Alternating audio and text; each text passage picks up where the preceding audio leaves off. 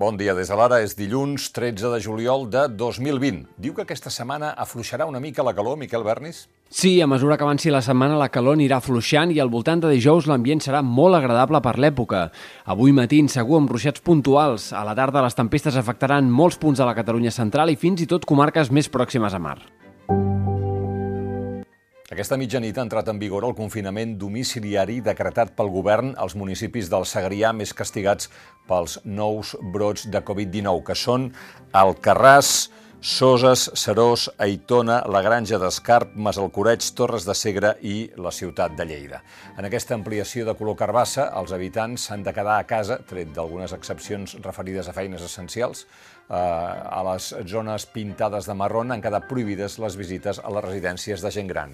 Però, atenció, perquè a última hora de la nit la Fiscalia de Lleida ha fet un comunicat oposant-se a la mesura del confinament domiciliari decretat pel govern amb l'argument que és una competència de l'Estat i s'exerceix, a més, amb la garantia de la intervenció del Congrés dels Diputats. I poc després, la jutgessa de Guàrdia de Lleida ha firmat una disposició en la qual no ha ratificat la resolució del govern i ha donat 15 dies a la Generalitat per presentar un recurs d'apel·lació.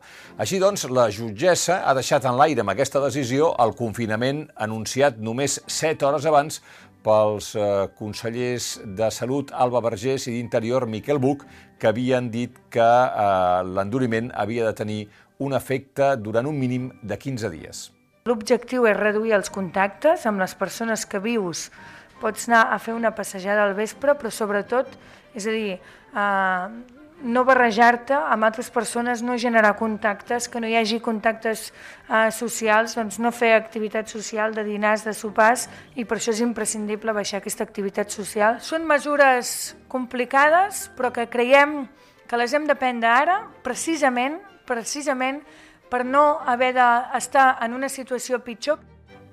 A les 8 del matí ha començat una reunió al Palau de la Generalitat del president Torra amb el seu equip jurídic per veure com han de respondre aquesta situació de la justícia i està prevista compareixença de les conselleres Budó i Vergés i el conseller Buc. Mentrestant, a l'Hospitalet de Llobregat, la segona ciutat del país en nombre d'habitants, l'Ajuntament va ordenar ahir tancar les pistes esportives a l'aire lliure per evitar contactes, i és que hi ha brots actius a la Torrassa i als barris de Collblanc i la Florida. El nombre de casos positius ha pujat a les últimes hores de manera preocupant a Catalunya, fins a 816 casos nous, 455 més que el dia anterior. Barcelona lidera l'increment, 253 casos, seguida de Lleida, 242. Eleccions d'aquest diumenge. El País Basc, el PNB, ha guanyat amb comoditat i podrà continuar governant amb qui vulgui, se suposa que amb el Partit Socialista d'Euskadi.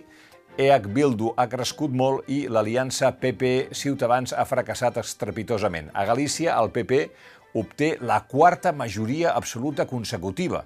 El BNG es dispara i obté el segon lloc passant al davant dels socialistes. Si anem concretament al País Basc, només van a votar, per cert, el 53% dels electors, és una abstenció sense precedents, però, com dèiem, el PNB n'ha guanyat 3, Bildu n'ha guanyat 4, això, per tant, la suma d'aquests dos és una majoria com mai dels Aversales, mai el Parlament Basc havia sigut tan Aversale, el PSOE n'ha perdut un, Podemos n'ha perdut tres, el PP, que aquesta vegada s'havia presentat de bracet de Ciutadans, n'ha perdut quatre i com a conseqüència d'això segurament, i de l'abstenció, Vox entra per primera vegada al Parlament de Vitoria amb un escó per Àlava.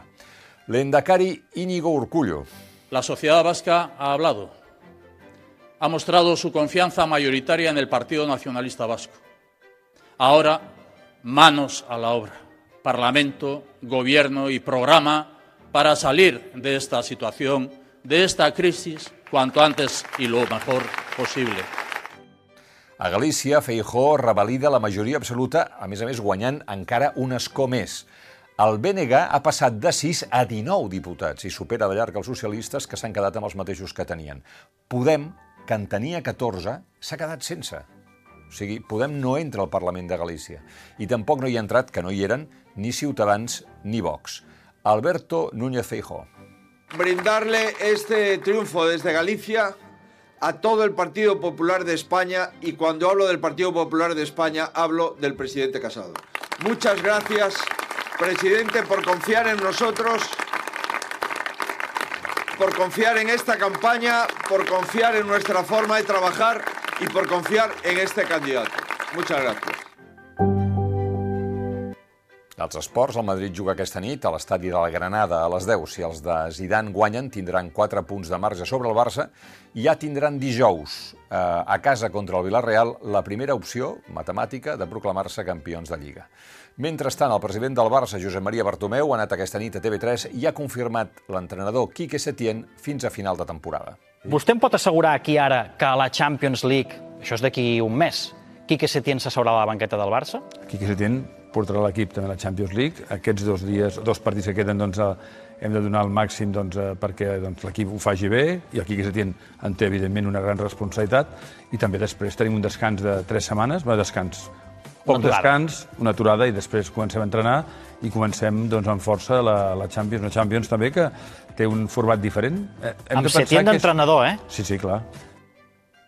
Nova derrota de l'Espanyol, ja a segona, que ahir va tornar a perdre a casa 0 a 2 davant l'Eibar, sense comentaris. I el Girona estava guanyant el camp del Lugo i al minut 96 va i li empaten el partit, 2-2 al final. El Girona manté opcions de pujar a través del play-off. Fins aquí les claus del dia, de seguida tornem amb l'anàlisi de l'actualitat.